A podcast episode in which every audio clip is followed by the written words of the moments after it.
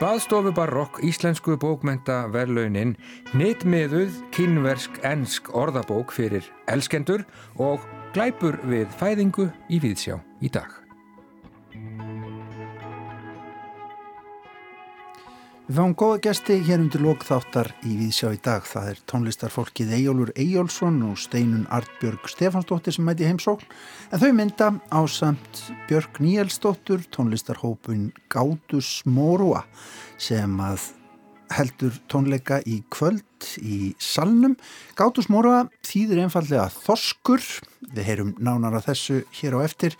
Það verður bóðið upp á baðstofu barokk í Kópavói í kvöld.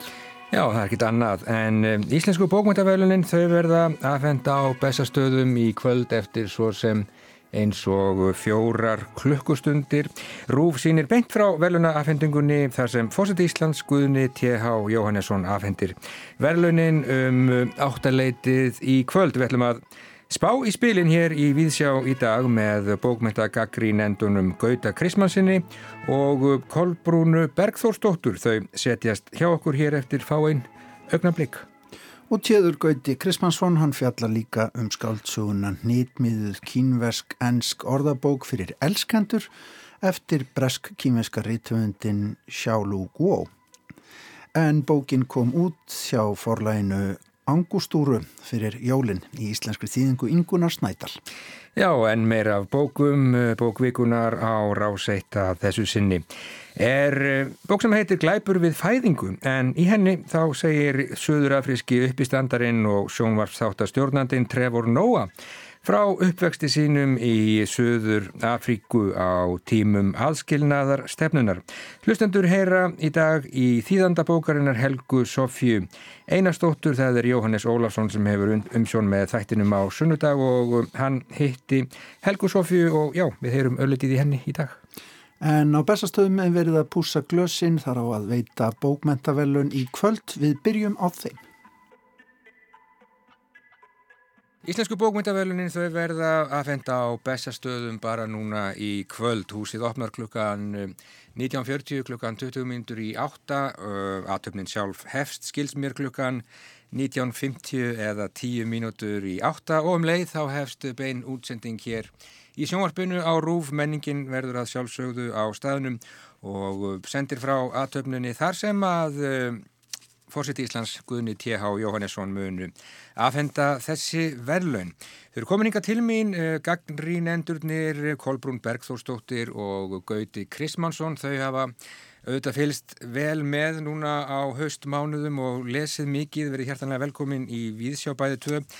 Mér langar bara aðeins til að fá ykkur til að hita upp fyrir kvöldið og aðeins að heyra í ykkur eh, hvað, hvernig ykkur líst á þessar tilnefningar í fyrsta lagi og og kannski í öðru lagi hvaða tilfinningu þið hafið fyrir því hvaða bækur eiga að fá þessi velun og já, kannski hvað vantar og hvort eitthvað sé þarna uh, sem hægt er að já, mögulega gaggrína ef ekki bara byrja á fagurbókmyndunum það er nú mest látið með þær og þar uh, voru tilnemdar að venju fimm bækur. Það er uh, Svínshöfuð eftir Bergþóru Snæpistóttur það er Staðapundsins eftir Braga Ólafsson Það er aðferðir til að lifa af skáltsaga eftir Guðrúnu Efu Mínurudóttur, uh, Selta, Abókrífa úr æfi, Landlæknis eftir Sölvabjörn Sigursson og Ljóðabókin Dimmumót eftir Steinunni Sigurðardóttur.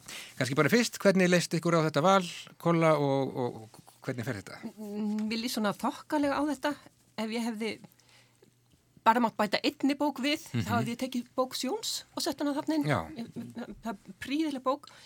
Sko mér finnst, sko, bara, við, ef við meðum bara við gæði sem mér finnst að maður eiga að gera, að þá finnst mér tvær bækur koma mjög sterklega til greina af staðapunnsins eftir Braga Ólafsson Já. sem er alveg óskaplega góð bók og mér er mjög gaman að sjá Braga fá þessu velun og svo er það uh, aðferð til að lifa af sem mér finnst vera besta bók Guðrúnar Efi Mínarvudóttur En nú er það nú þannig að það er nú næstu því sjálfna sem höfundar vinna fyrir bestu bækur sínar. Þannig Já, ég hef ekkert vona á því að hún fái þessi verðin. Það er aldrei göldrótt bók. Það er ansi, sko hún leini líka svo Já, á sér. Ég, sko, ég veit fólk sem hún lesa og segja já þetta er ágjátt en um hvað er hún? og sko hún er um þessa samanlegu ábyrð, ábyrðan sem berum hvert á öðru og hún kemur þessu svo fallega til skýna Já, og mér finnst mikill í næmni. Ákveðið afregi í þeirri bók, en hvað segir þú, Gauti? Um, hvernig listir á þetta? Já, já, þetta er hver á að fá þetta? Að vanda ágættis val, en ég þarna, ég saknaði nú kannski svolítið Kristínu Ómarsdóttur, ég er nú svo gaman að henni, en, en þarna, en þetta er Já, ágætis- svanafólkið. Já, Já. svanafólki hennar hefði ég alveg vilja sjá. Ég er náttúrulega ekki búin að lesa allar bækurnar, sko. Nei, nei, það er ekki búin að því. og þarna, ég er sammálað með hana Guðrún Efu, þetta er, hún er þarna vel að þessu komin, væri vel að þessu komin ég er líka mjög hrifin að seltu eftir hann Salva Björn, hún, hún kom mér þægilega á orð, sumir hafa sagt að hún sé svona hann sé svona einhverjum miðum sem aðrir hafa verið en hann byrjaði nú á þessu fyrir löngu að skrifa svona sögulega sögum um Björn uh, í Söðlugsdal og, og svo framvegist þannig að er kannski ekki alveg hægt að segja það þannig og þarna næra hann einhverjum hápunkti í þessum sögulegu skrifum sínum þannig. Mér falleg bók, en, en þú, já, þú talaður um hana hér hjá okkur í Viðsjá. Og þú talaði líka um skálsögu sem heitir Máleysingjarnir eftir Petro Gunnlaug Garcia sem að þú, já, þú sagðir að uh, þetta væri, já, væri ekki mjög algengt að hér kemi fram ungur höfundur með svo metnaðarfulla fyrstu Já, skálsögu ég þegar hefði kannski fundist að hún Já, ætti heima svona, þarna. af því það hefur nú oft verið svona einhver byrjað, ég gerir ráð fyrir að Bergþóra sé svona þetta Byrjandinn, slott, já. já, byrjandinn sko og hún náttúrulega með mjög fína bók Já, sínsögð og, þarna, og, líka bókin Flórida var mjög fín þannig að þarna er greinilega sko Já, hún hefur eiginlega slegið já, gegn Bergþóra. já, stórhöfundur á, á, á, á leiðinni sko þannig að það er alveg, alveg eðlert en, en, þarna, en ég hefði gætna vilja sjá mitt máleysingina því að Hmm.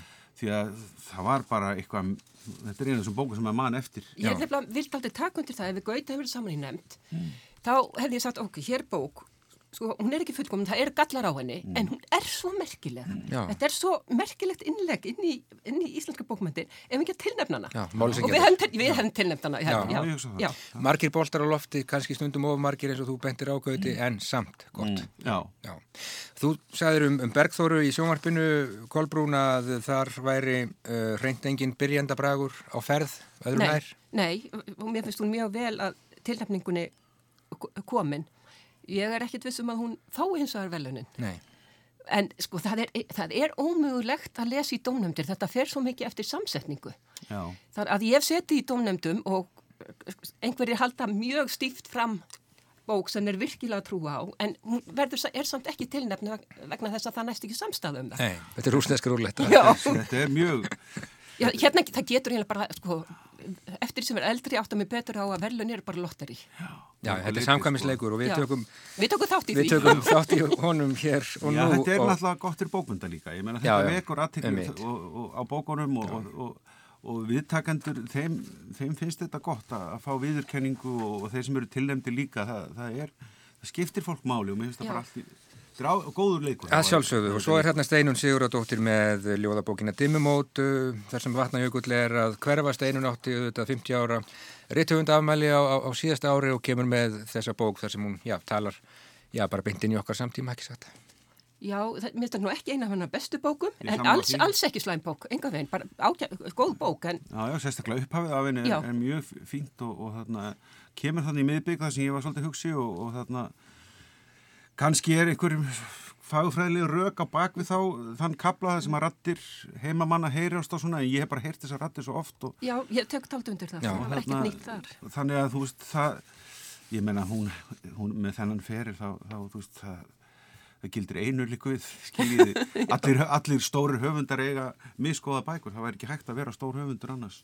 Skára væriða nú og, mikið var nú gefið út af ljóðabókum á, á síðasta ári en þið eru svona þokkalega sátt við þennan lista. Ok, Sjón hefði mögulega mátt vera segir Já. þú Kolbrún og, Og og þið bæðið segið að Pedro Garcia Pedro Gunnlaugur Garcia, hann hefði mátt vera þarna með sína máleysingja og aðeins að kíkja á fræðibækur og um, bækur í í flokki svona almenns efnis, það er stjörnur og stórveldi á leiksviðum Reykjavíkur 1925 til 1965 eftir Jón Viðar Jónsson, Lífgrös og Lendir Dómar eftir Ólinu Kjærúlf Þorvardardóttur. Uh, svo er það uh, Síldarárin eftir Pál Baldvin Baldvinsson, Síldarárin 1867 til 1969. Um, Jakobína, Sagaskálds og konu eftir Sigriði Þorgrimsdóttur, bókum Þá merku konu Jakobínu Sigurdardóttur og loks er það Öræfa hjörðin, saga hreindýra á Íslandi eftir unni Byrnu Karlstóttur, uh, ég veit ekki hvort ég vilja veðja á einhvern hest hér, uh, vantar hér einhvað? Já, hér vantar svo sannarlega Hugsanlega? andra snæ. Já. Mér finnst það, ég verð bara að taka undir það, mér finnst það sko að segja, mér finnst það bara stór skandal að hann skuli ekki vera það. Mm -hmm. Kanski þótti bókin bara of lesendavæn, hún fekk óskaplega góðar viðtökur almennings, kannski þykir hún ekki nógu fræðileg, sko, en mér finnst þetta algjörlega furðulegt. Já, ég held að þetta sé bara, þau hafi, ef ég má lefa mér að stelast inn í kolla nefndarinnar, þá hann er búin að fá öll velunin fyrir all, allar og, það, og, og, og ef hann verður tilnæmd þá fær þessi líka. Og það, þá vil ég, það, það, er- það er eitthvað svoleiðis ímynda ég mér bara. Já, en, gerist en bara svona frá sjálfkrafa. kvaliteti og, og, og, og svona frágangi síðan þá þá er það eh, alveg rétt hún á að vera þarna í þessum hópi sko Já, og þarna alveg en ég meina, ég giska bara á að það sé að, að, þarna þetta get ekki orðið andra snæsverðun Já, það er, já, er alltaf verið að tilhefna. Þetta er aldrei eins og með Girði Eliasson. Já, já, já. Alltaf, jú, jú, hann er, hann er óskaplega góður ár en, en hérna... Til, já, kvílum hann aðeins. Já, ég, já. að- já, en þetta er náttúrulega bók sem hefur ratað mjög víða, ég veit, er nú ekki með síðustu sölutölur sko, en ábyggilega 15.000 eða eitthvað slíkt sem á En- selst af þessari bók og þú varst að segja við mig í gerðkóla að þetta, að þú væri svolítið hrætt við þetta elítu element. Já, Þa, ég- Þannig megi þessi velun ekki vera. Nei, og ég held að það hefur verið einmitt bara svo gott fyrir velaunin, einmitt að tilnefna andrasnæði, eitthvað sko, bók sem að almenningur hefur keift og lesið sér til Já. mikillar ánægi og hefur vakið umræðu. Þetta er brínasta mál okkar samtíma og Andri Snær, hann fær okkur í þessar bók til að gangi lið með sér, sem er svo óskaplega mikilvægt. já, já, þetta er Vel gert, uh, svona fjarlag þá kannski myndi maður veðja á Pál Baldvin og Sildarárin, ég veit það ekki. Ég sko, ég held því? að hann hefði haft mjög góða möguleika en það var þarna, sko, alltaf þegar kemur upp umræða ö, sambandi við ö, heimildir, það er ekki getið um þetta eða hitt, sko, hérna, Sem var nú ekki stórvægilegt. sem var ekki stórvald, en þetta er óþægilegt og, það, Já, já, og ég held að nefndinni, ef þú ætti nefnd, þá þér þótt þetta mjög ó, óþægilegt og þetta gæti haft því að menn áhrif. veit ekki hvað er eitthvað meira sko. Já, Og já. sko. Skal ekki segja um það, en þeir... En það væri mjög en þetta er gaman. mikil svona kaffiborðsbók líka og, Já. og mikið af myndum og, og gaman að fletta henni og allt það Já, ég, þarna, en, en þarna og, og svona mikið yfirlit um merka hluti, það, þetta er nú greinlega í tísku núna, það er í sjónvarpinu líka siglufjörðar þættirnir og já. Já, já, þetta er stór, stórmerkileg þetta, saga. þetta er samt líka saga sem sko kannski er ekki algjörlega ókunnu okkur, ég menna þetta er við höfum oft heyrt um síldarar og náður, það er, þetta er ekki fyrsta bókin og, og svo framvegis Nei, nei. Þannig Uh, að það er svona spurning sko að að þessu óvinnulegt það, það, er, það er kannski bók, sko, bókin hennar eh, unnurbyrnu og, og, og ólína það eru svona óvinnulegar nýjir hlutir sem eru þar verið und- undir sérstaklega náttúrulega hjá unnubyrnu með örafa hjörðina. Og svo er Jakobínu bókin. Já, það, þú fjallar um hana já, hjá það er okkur. mjög sérstök sko æfisaga, samtal dóttur og, og liðinar móður og heimildirnar farnar og, og þetta, eru, þetta eru mjög fróðuleg svona átök og, og samt um leið svona mynd af náttúrulega síðustu þarna, síðustu eyðijörðum þarna á, á, á, á, á hotströndum nánast og, og svo þetta líf íslenskara konu í, undir hæli hins gamla feðraveldi Einmitt, spændana ofur ribbaldafrekur, tengdafaðir og, og svo framvegis. Og samt er hún að skrifa og skrifa og hún veit hvað og svo loksins þegar hún kemst að þá byrjar hún að byrta og hefur bara er, sem við bendi á þarna hún er fyrsti heiðisfélagi í Ritthundasambandi Íslands já, mynd af henni á vegg í. Gunnarshúsi, takk fyrir. og Innan um alla kallar- kallana. kallarnir tóku st- strax eftir henni jáfnvel þó að hún kemur sengt fram sko. Nákvæmlega. Við skulum ekkert vera að kasta neinum teningum hér varðandi þetta, sjáum bara hvað setur með, með fræðibækurnar, kíkjum aðeins á barnabækurnar áðunum við hættum þessu, þar er uh, Ardís Þórarinsdóttir með nærbuksna njóstnarana, uh, þar er Bergrún Íris Sævarsdóttir, bók sem heitir Lang elstur að eilífu, Hildur Knútsdóttir með sína Nord, uh, bók sem heitir Egil Spámaður eftir Lani Yamamoto Og svo þessi bók eftir Margréti Tryggvadóttur um Kjærval, málarinn sem fór sína eigin leiðir sem er svona, já, bók sem er hugsuð bæði fyrir, fyrir börn og, og svona fjölskyldur til að lesa saman. Já, óskaplega falleg, falleg og velgerð bók og hérna mjög þakkavert að Margrét skuli fa- sko, færa ungu kynnslóðinni hérna kjærval og ég er að vona að verði framhald á þessum bókum. Ég las hana mér til mikillar ánægju. En svo er önnur bók, þarna sem mér finnst mikil listaverk sem er Egil Spámaður. Já, hún er falleg. Það sem myndirnar og textin sko, tala svo vel saman og þetta er svona heimsbyggileg bók eiginlega bæði fyrir börn og fullorðin. já, já, maður fór að hugsa sko í, Já. Ég meina, er, hann, er þetta umfjöldunum einhverfu eða félagslega Já. stöðu bassins og hvernig hann kemst í gegnum það og svo töluðu myndirnur og, og textin saman, það fannst ég, ég er samálað því. Já, og Kjarvalsbóki ég líka samálað því. Þetta er náttúrulega bara eiginlega nýtt konsept af sumu leiti, búið til svona blandaða bók fyrir fullorna og börn sko, með svona, og svona fræðiritt sko. Og text bísna vel. Já og það er bara, ég held sko að þetta er mitt, fræ, ég maður þegar maður er lítill að lesa svona einhverja live, bækur og svona að þetta, krakkar hafa gaman á svona sko, ef þið fá tíma til þess að fletta svona og, og þarna, þá vitað eitthvað meira og þau vita að kjærval er frækt nafn og svo framvegis sko. eh, Ég ætla ekki að pýna ykkur til að koma með, með spádómanum að þið endilega viljið varðandi þetta, hefur ekki bara sjá hvað, hvað setur, mér langar kannski bara aðeins undir lokin og áður en ég leip ykkur uh, út að Svona, það er mín tilfinning að, að það sé nú ekki svona, já, menn er ekkert að rífast um íslensku bókmyndavelunin lengur. Það var meira svona fyrir 10, 15, 20 árum þegar menn, þá tókus menn nú svolítið á um þetta. En núna er þetta svolítið bara, ég veit það ekki, fí, fí, fíkur svolítið í vindunum. Já, bendir það ekki því miðutöls að flestum standa á sama? Ég er svona í að því. Þú líst ekki um hluti nema þeir skiptiði verulega. Samtíminn hefur einhvern veginn tilhengu til þess að fleti allt út. Já, sko. ég tuð á hverju ári. Já, já. Ef, ef ekki ofinbelað þá bara heima hjá mér. Jú, jú, það, það er svona, þetta er kannski áhyggjöfni en, en þarna, en ég held líka að þetta sé, það er kannski bara eitthvað í tímanum sko já. og svo kemur eitthvað og, og þá hristist upp í og, og þá fáum við aðra. En ég er lengt sem flestum verðlunum með þar peningur í því. Af því að listamenn eiga að fá pening. Já. Það er, hef, er heðilegt við Þór, við skulum bara setja punkt hérna.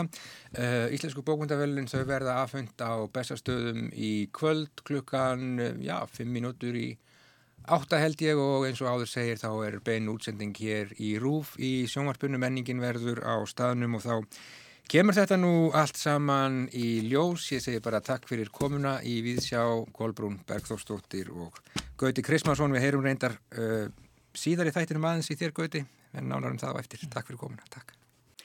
Og uh, við höldum okkur við bækur bókvikunar hér á rásætta þessu sinni. Nefnist glæpur við fæðingu en eh, í henni segir söður afríski sjónvarpstáttastjórnandin og uppi standarinn Trevor Noah frá uppvexti sínum í söður Afríku á tímum aðskilnaðastefnunar. Gestir Jóhannesar Ólafssonar í þættinum bókvikunar á sundagsmorgun hér á Rásveitt. Verða þau Sigriður Dúna Krismustóttir fyrirverandi sendiherra í söður Afríku og Ævar Þór Benediktsson réttöfundur. Þýðandi bókarinnar er Helga Sofía Einarstóttir og uh, Jóhannes hitti hana. Þetta er bók eftir Trevor Noah sem að uh, marki þekkja kannski úr The Daily Show sem er bandarísku þáttur svona, sem fjallar um máliðandi stundar og ofta mjög svona satíriskan hátt og þetta er uppvakstarsaga hans uh, en hann ólst upp í Suðurafriku, fæðist 1984 mm. í Suðurafriku.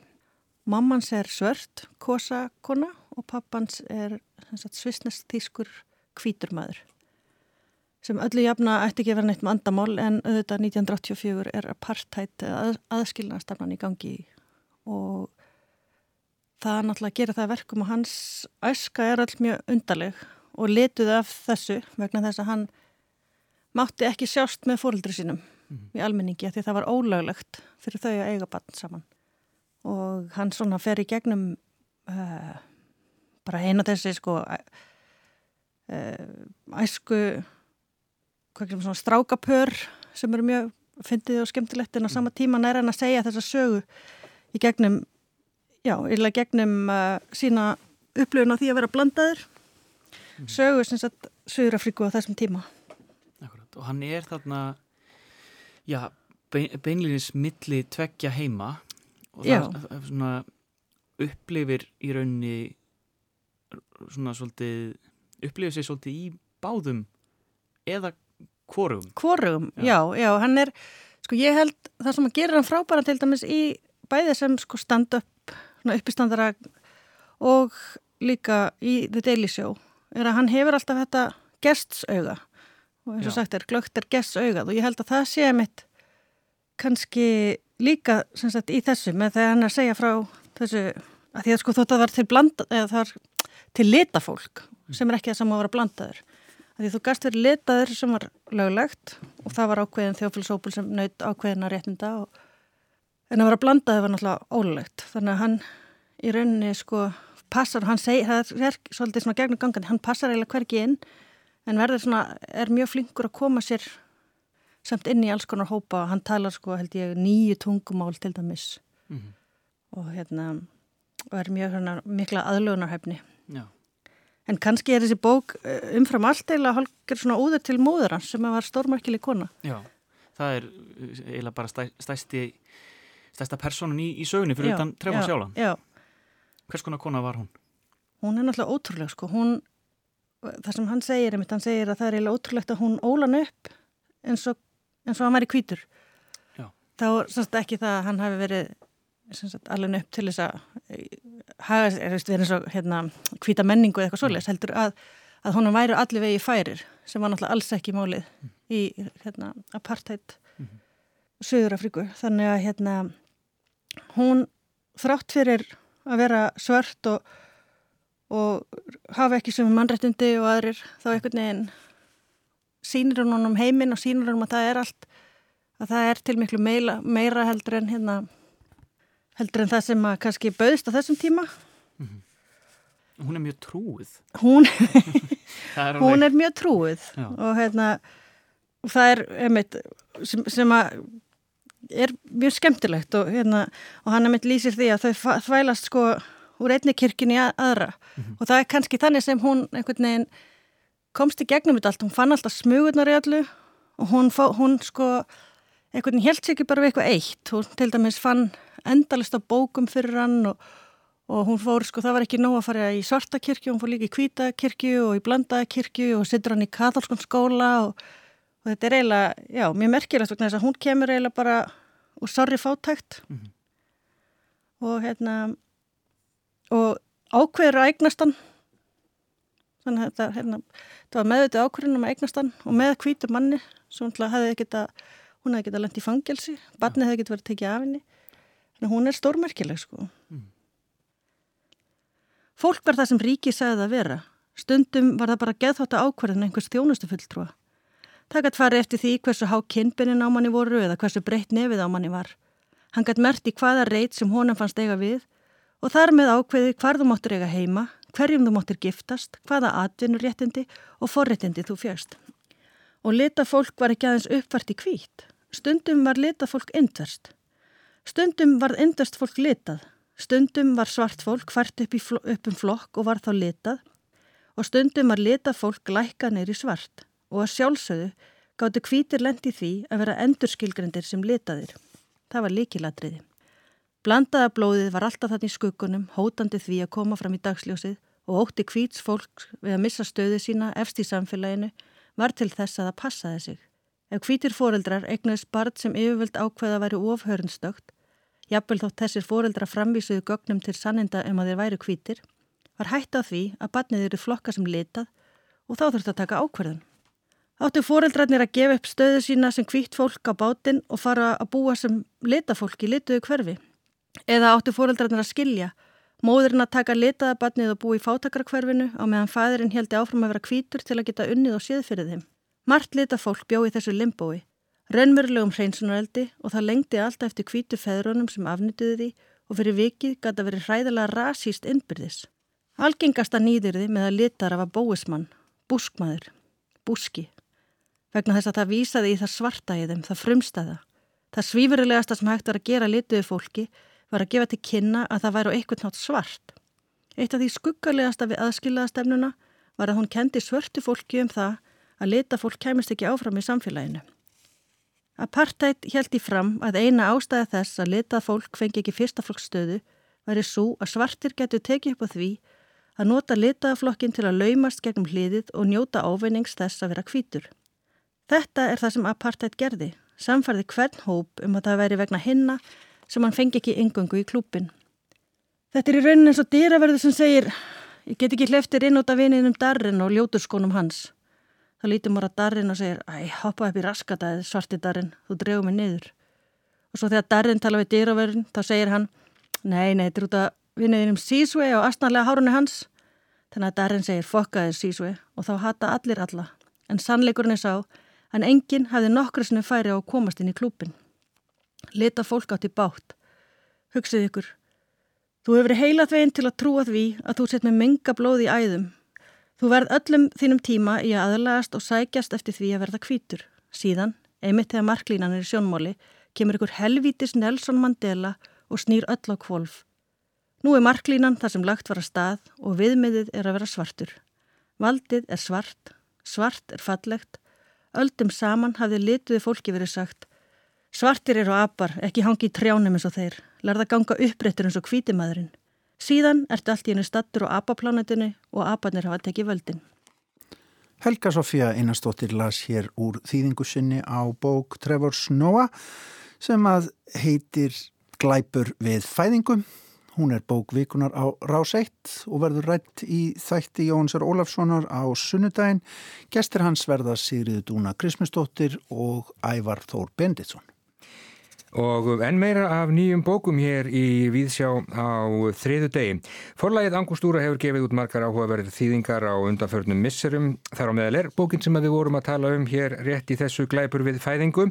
En eh, önnur heitir uh, Nitmiðuð kynversk ensk orðabók fyrir elskendur og kom út nú fyrir jólinn og er eftir höfund sem að nefnist Skiaolu Guo en þýðinguna gerði Ingun Snædal Guo er rétthöfundur kveikmyndagerðarkona og margt fleira fætti í Kína árið 1973 Bækur hennar hafa verið þýttar á svo sem eins og 28 tungumál en sjálf hefur hún aðstöðu við Columbia Háskóla í New York og skrifar þar. Gauti Krismarsson er búin að lesa neitt miðaða kynversk enska orðabók fyrir elskendur eftir Siolo Guo. Ástin er ófjetti sem allir sækjast eftir og óttast um leið. Það er kannski reynsla ungu kýmversku konar sem kalla sig Seta af því enginn getur borið nafnið hennar fram í lundunum þangað sem hún kemur til ennskunáms í eitt ár. Hún er upphaflega sveita stúlka en foreldrar hennar er eitthvað að vinna sig upp í kýmversku samfélagi með því að reyka skóversmiðju og geta því stutt dótturina í námsferð. Hún er fullt tilhlökunar og kvíða eðlilega að koma inn í stóra framandi borg og læra ennskuna sem auðvitað fyrir fram á íslensku í þessari þýðingu. Ramminutunum frásögnuna er einhvers konar mánadabók þar sem mikilvægustu viðbörðum hvers mánadar er líst hver kapli ber heiti eins mánadar á einu ári eða frá februar til februar. Augst uttra kapla á undan og eftir sem heita einfallega áður og eftir. En innan hvers mánadar kapla eru stuttir kaplar titlaðir með orðabókarflettum sem skýrir frumlegan titilin á bókinni. Kínversk ensk orðabók fyrir elskandur. Sögukonan skrifa svo söguna fyrir sjálfa sig þanga til hún hittir elskandan sem hún áarpar alltaf í annari personu. Merkilegast við útfæslu sögunar og vafalist eitt að erfiðasta sem þýðandin Ingun Snædal hefur þurft að glíma við er að sögukonan byrjar að skrifa hjá sér reynslu sína frá fyrsta degi og með þeirri málbeitingu sem hún ræður yfir hverju sinni. Þannig er orðavali og málfræði mjög ábótavand í upphafi. Það er nánast bernst, finnst manni, vegna sem það minnir á málbeitingu batna. Ingun gerir vel við valið á málsniði hverju sinni og útfærslan er áreinstulegs og öru kjáinni. Það verður þó fljótt ljóst að Seta er velgreind kona og þegar álýður eflist hún í málinu og það er gaman að sjá hann að hnakk rífast við elskuða sinn, nú að það velta vöngum yfir hinsturökum tilverunar.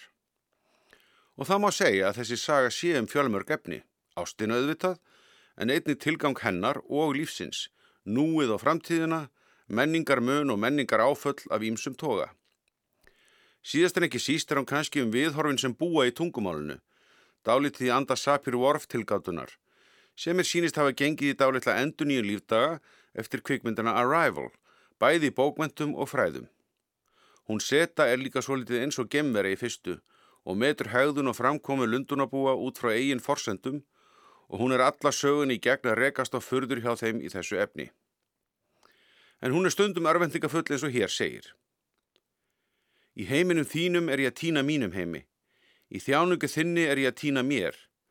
Allt lætur mig hugsa um þig og heiminn þinn. Ég er eins og vekkfóður fast á vegnum í húsinuðinu, horfi á þig og skreiti lífðitt. Tilvitun líkur. Hún er ung en hefur fljótlega sambúð við sér eldri mann, listamann og það gefur höfundi færi á að setja fram spurningar um listina og tilgang hennar sem eru allarar aðtikli verðar. Engveri sinni fara þau úr skarkala borgarinnar og finna einhvers konar frið og þá bendur hún honum á af töluverðri mælsku.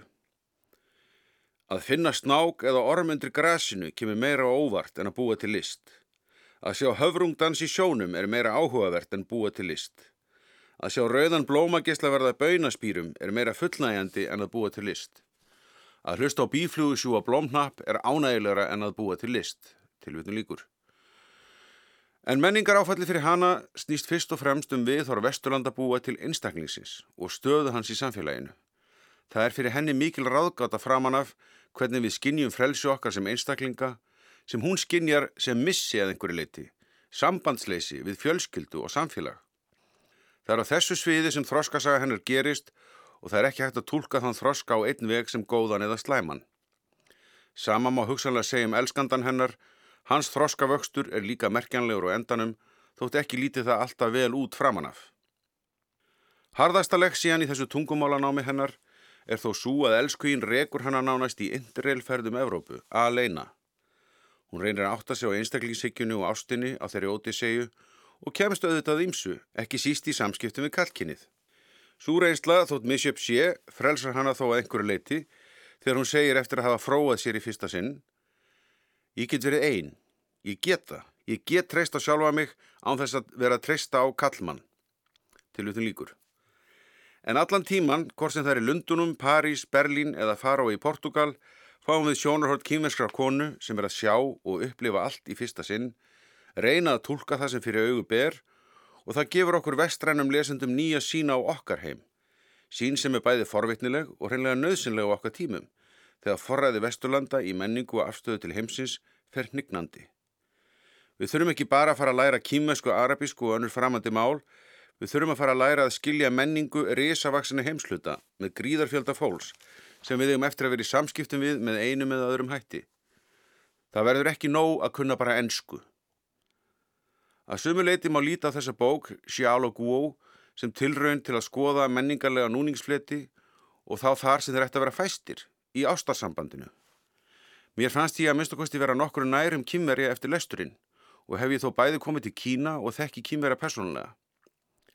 Það þó í engu verið að pretika í bókinni, línuleg frásögnin lítur algjörlega lögmálum skálskaparins í nokkur raunsari framsetningu þó höfundur komist á flug á stöku stað og það er á köplum spennandi að fylgjast með vext í fígúrunar, í hugleðingum og málbeitingu og svona komin að þann stað að geta sagt En ég get ekki hægt að tala. Ég tala og tala, meira og meira. Ég stel orðunum þínum. Ég stel öllum fallugu orðunum þínum. Ég tala tungumáli þitt. Til utnum líkur.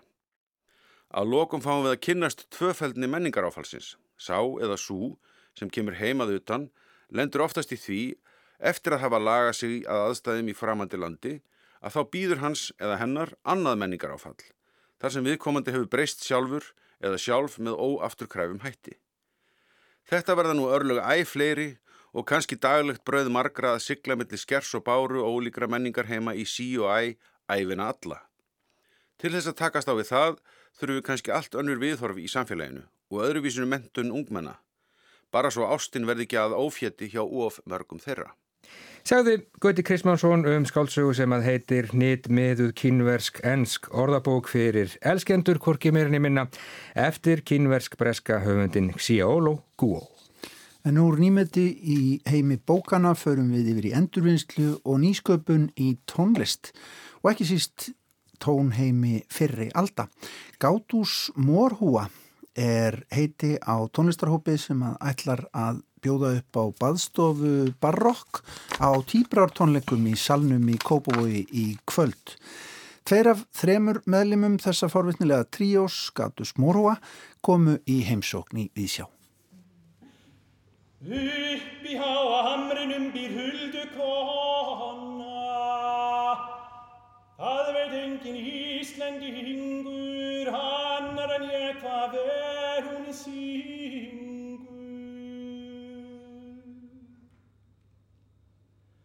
Eitt sinn hvar hann ekkitinn frá holva hamri, það var ekki allt með feldu eftir því sem sumir heldu.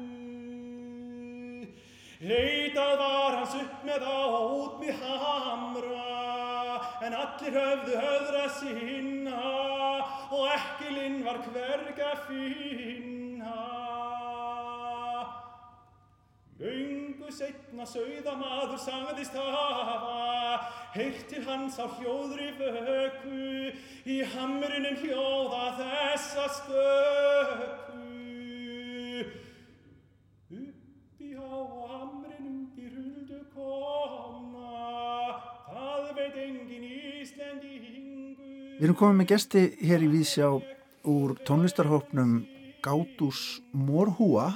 Er þetta rétt bórið fram? Hann er lengra haldið. Steina. Ekki, já, ekki alveg. Er það ekki Gatus Morhúa? Gatus, á maður að segja Gatus Á þess að við vitum það eitthvað sérstaklega vel. Já, en hingaður þau allavega komin Egilur Egilsson og Steinin Arbjörg Stefansdóttir Þriðja hjóliðundi vagnni er Björk Níelsdóttir. Hún átti ekki heimangengt í dag en þeir eru að fara alltaf tónleika í kvöld í Salnum í Kópói tíbrar tónleikum. Og þetta er svona þorra þema. Má ekki alveg segja það? Það var, var ekki búnda dagur á fyrstæðin eða í síðustu viku? Jú, ég einmitt rakk mig á það þegar ég fór að, að, skoða skoða þetta gig í dagbúkinni þetta veri þorra þema. Já, en svo er það kann, Já. kannski ekki en hérna óhjákvæmulega er hægt að setja þetta svona undir þorra Hattinn. stemningu. Já, vegna þess að, að þarna verða svona ákveðin þjóðlegheit svona alla að einhverju leiti en við hefum verið svona að leggja upp með að blanda svona þjóðlegheitum við ímislegt sem við svona tínum til fyrir utan landsteinana Já. og þetta er einhvers konar já, við erum stundu kalla, kalla þetta einhvers konar þjóðlega usla Já. og mér finnst það svona ágætis skýring Já. Enda kannski þessi gamli tími landamæralausari en maður heldur. Það er ekki endilega eitthvað íslenskt, al íslenskt þó við lítum stundum á gamlan arf þannig. Ekki satt. Nákvæmlega, sko við erum að sækja í eitthvað sem á að hafa verið í gangi fyrir innbyltingu og þessi tími þegar maður fyrir að skoðan þá var þetta eins og segir miklu meira fljótandi. Alþýðumenning hún ferðast þvert á landamæri og uh, það að tala um eitthvað al-íslenskt er vandkvæðum háð. Það er hægt að, kannski hægt að segja eitthvað sem er ram-íslenskt og þá er eitthvað sem hefur einhver svona sér enkenni, staðbundin enkenni. En okkar svona útgangspunktur hefur verið langspilið og langspilið er í rauninni alþjóðlegt hljóðfæri, þetta er svona sítar, bordún sítar sem er víða hluti af svona alþjóðu tónlist og nærtakast að dæmi er til dæmis uh, langileik í Noregi og uh, svo er hægt að reykja þetta niður eftir álfunu og í aðra heimsluta. Já. Þannig að það er það sem ég finnst kannski svona mest spennandi við að skoða einhvern svona staðbundin menningarengjani er að þau tegja sig alltaf einhvert sem maður hefði ekki gert sér grein fyrir eða átt vona á. Akkurat. Steinin, þú spilar á já, alþjóðleira hljóðfæri, kannski, skulum við segja, en, en íslenska langspilið á, á Baroxello. Uh, hvernig finnst þér takast að, bla, að blanda saman að, sagt, að nota langspilið inn í þessa gönlu tónlist svona, og, og kannski eins og eru að gera taka tónlist hérna og þaðan til þess að nota langspilið í? Já, minnst það bara að takast mjög vel. hérna, bara frá því við byrjuðum, þá var strax mjög skemmtilegt að blanda þessu baróksalúi mínu saman við langspilið. Það, það kom eiginlega bara einhvern veginn að sjálfur sér. Og svo líka mjög, mjög skemmtilegt við þetta, þú veist, maður tekur einhverja svona greinar tónlistarinnar, þjóðleg íslensk tónlist og barokk tónlist og svona tónlist og bla bla bla og þetta eru svona voða fínir rammar Svo er þetta bara og svo er þetta bara tónlist, já, og svo eiginlega er hérna, gerum við bara sem okkur dettur í hug. Það er líka bara mjög fínt. Þó að sko, þetta með að greina hlutina nýður og vanda sig við eitthvað, ég myndi til dæmis ekki hafa nefnt að vanda mig við að spila barokktónlist nema því að mér fannst hún áhugaverð. Já. En svona þegar öllur er botning fólk, þá er þetta náttúrulega tónlist, já. allt, bara. Og svo hérna, því að nú er svona svolítið franskur tónni í þessum tónleikum okkar, pínu franskt þema, þá finnst mér alveg frábært þarna, þetta með myndina sem þú sagðir Eyvi, Já. eftir hann Mægir, eða Já. hvað hann nú heitir, Mægi.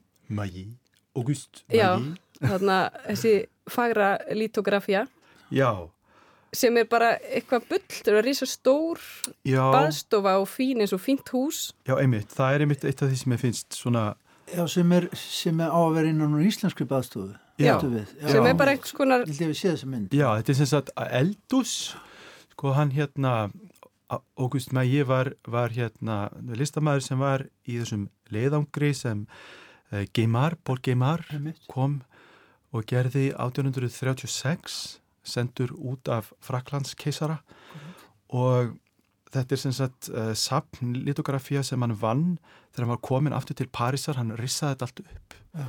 bara og svo vann þetta heima. Og þetta er sena, kvöldsena, kvöldvaka á grímstöðum á fjöllum. Ah. og hún, þetta er svona mjög svona fagfræðilega útpælt sena. Já.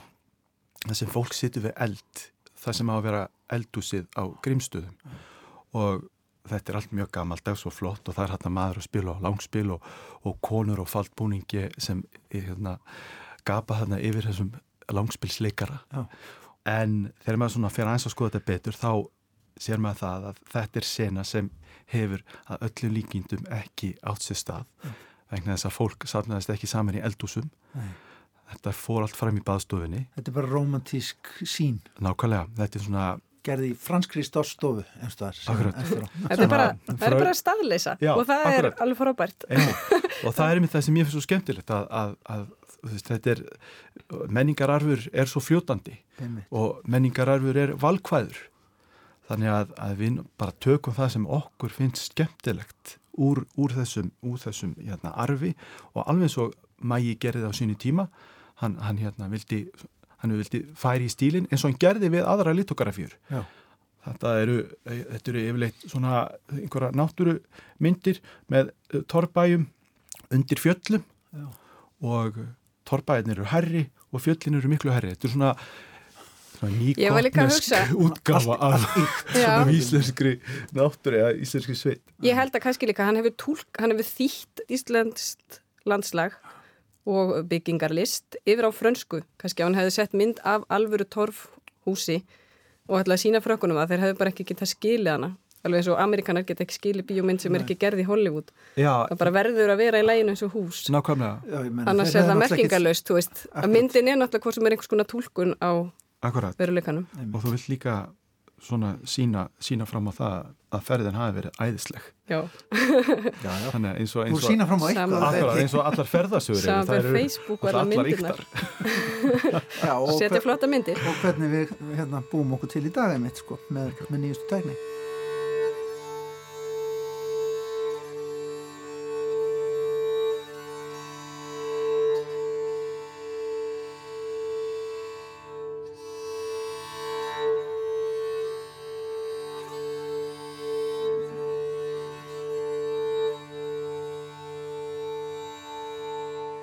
maður kíkir yfir það sem þið ætlaði að gera í kvöld, uh, byrjar náttúrulega bara á mjög íslenskan hátt, ég vil kalla það eðisand hérna og, og Steinun, þú ert búin að útbúa það. Sé, en síðan er þetta, þetta eru írsk þjóðlög og þetta eru íslensk tvísöngslag og auðvitað og, og, og mín flaskan fríða þarf að vera, kannski um þetta leiti áslíka.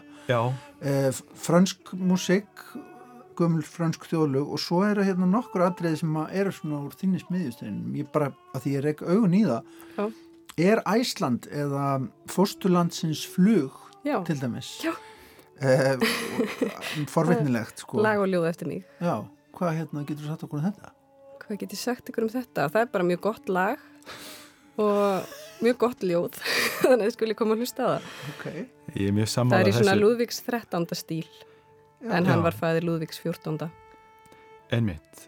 Þetta var- hefur þetta eitthvað með innanlandsflug að gera eða, Já, eða, já. Heil mikið þetta var, þetta var til í það ekki í þessu nafnabröldi hjá, hjá flugliðum þegar þau endur nefndu hérna þegar það verði er Iceland félagið. Connect. Já, sem, Nei, nei, þetta var bara ekki. ég var endar að fljúa norður til þess að fara að spila og syngja með Eyva og Björgu og ég var mjög glöð yfir því og hlakkaði mikið til og það veitti mér mikið innblástur og þess vegna bjóð ég þetta lag til og það var þeila til í flugvilinni já, já. það hlaut eða vera. það, þannig að flugfélagið náttúrulega Ásins sem ég vil kalla flugfélag Íslands en það má alveg heita það sem það vill mín vegna ég þykki bara vænt um það það hérna á alveg eitthvað í þessu ljóði líka Það er gott. Mm -hmm. En að því þú nefndir tvísöngvana þá kannski er rétt að nefna það að þeir verða ekki sungnir. Mm. Nei, þeir verða að spila. Það er ekkert sem sínist hérna Nei, akkurat. Ekkert, verða... hvað var það aftur? Já, við ætlum að hafa eitthvað svona prójekt þar sem ekkert, já, Ísavarða Hillin Þorskatríóið myndi gera svona prógram þar sem ekkert væri það sem það átt að vera Akkurat, Allt einmitt, væri eitthvað annað einmitt, svona, eins og hérna eins og málsverðinir hjá, hjá tútorkongunum Já, já. af því að Gattis Morhúa þýðir sko þorskur bara þeir sem vilja vita já. Erum Þorskatríóið Akkurat, gaman að koma því að sko já. Við elskum Þorskin Þess, við vorum að, við vildum finna eitthvað nafn sem var í bæði þjóðlegt og alþjóðlegt. Og, og þá var skreiðin fyrir valinu. Útlýsingsvaran og þess vegna eru búin að stela sagt, gamla skjaldamerkinu, stílfæra það og hérna, notu það sem merki Gatús morfa sem er bara skreið með, með kórunu. Og, og þá er kóruna svona tilvísun í það að, að, að þessi, þessi tími sem við erum að vinna með þá var Ísland undir Danarkonungi Já Og hann vildi skreið. Hann vildi skreið og byrði við... fallegar hallir fyrir skreiðina. við erum eiginlega svona þorra blótsband af eðlisávísund bara.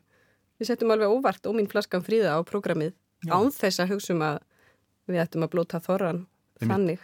Já. Sko svo endiði á, á Jórni Viður og Magnús Blöndal Jóhansinni. Já. Það er um, svona hugmynd sem fengum að útsetja íslensk einsungslög fyrir þessa besetningu. Og sko lauginan er hjórunar mörg hver það er og hún hafi samið þetta með langspil eða þessa, þessa drón drón hljómheim í huga. Og þetta eiginlega smellur alveg. Þá ertu að tala um að færa í einhvern gamlan búning? Já, gamlan og ekki gamlan vegna þess að í rauninni er þetta í rauninni mjög, mjög nútímalegt líka að því að mhm. maður skoða það sem er að gerast í nútímatónlist mm. að þá er mikið að vera nota drón og, og það er verið að sækja oft í þennan miðalda hljómheim Heim. þannig að þetta er í rauninni já Gammalt og vitt í senn já, já, og verið að nýta þennan, þennan bara þess að tóna í, í bara í útsetningar mm. og þannig að sveitinu millir sanda hvort þetta að væri gaman að hafa svona einhvern annan sand til að ramma inn Við veljum bara líka bestu laugin á efnisgrona, einfallega. Já, já. Í hvert sinn. Já. Eitthvað, bara það sem okkur langar að, að, að, að spila og syngja. Þetta er ekki eitthvað svona rosalega útpælt. Nei. Svona, en þetta samt, það er samt mikilvægt að hafa einhvern svona rauðan þráð og, og tengja þetta einhvern veginn. Já, já. Jú, eins og með þess að sanda. Já. Af eðlis ávísun okkar þá kemur þetta allt bara raðast fallega niður á prógramið. Með Guðshjálp Þannig að sko fólk á það í vendum í kvöld að láta þeita sér einhvern veginn aftur í tíman og fram í tíman í salnum í, í kvöld. Já, ég held það. Á þessu baðstofu bara... barokki. Baðstofu barokk, já. Eða hinga og þongað, já. eða bara í salin salin. eða eitthvað.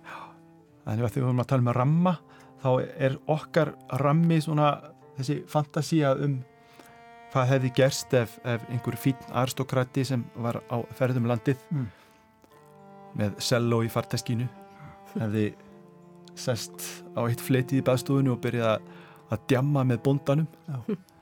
Eins og hérna er það ekki í sögunni barónin hjá Þórarni Eldjórni þessi hugmynd var til þegar ég var að lesa barónin já, já, og það er þessi fallega lýsing á, á tónleikum sem barónin heldur í Reykjavík hann spilar á cello og, og þetta er svona eftirminnilegsta senan úr, úr bókinni. Ja.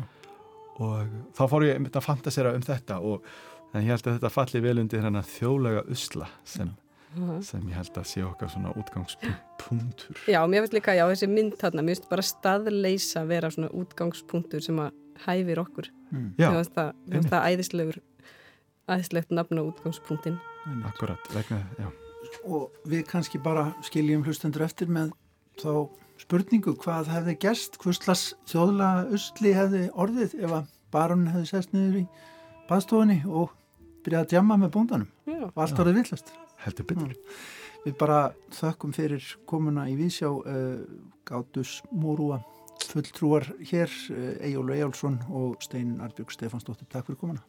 Takk fyrir okkur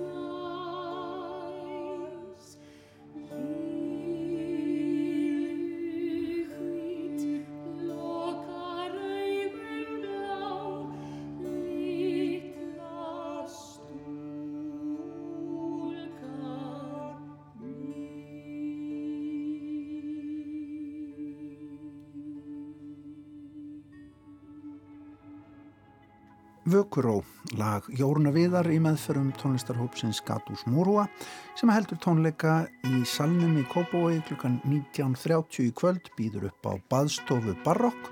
Réttra benda á að hinn knáa útaskona Artís Björk Áskistóttir. Hún mun ræða við meðli með hópsins í salnum klukkustund fyrir tónleikana eða klukkan 18.30. Ljómandi gott en uh, þetta er búið hjá okkur í dag, Gunni Tómasson. Verðið sæl. Takk fyrir samfélgina. Verðið sæl.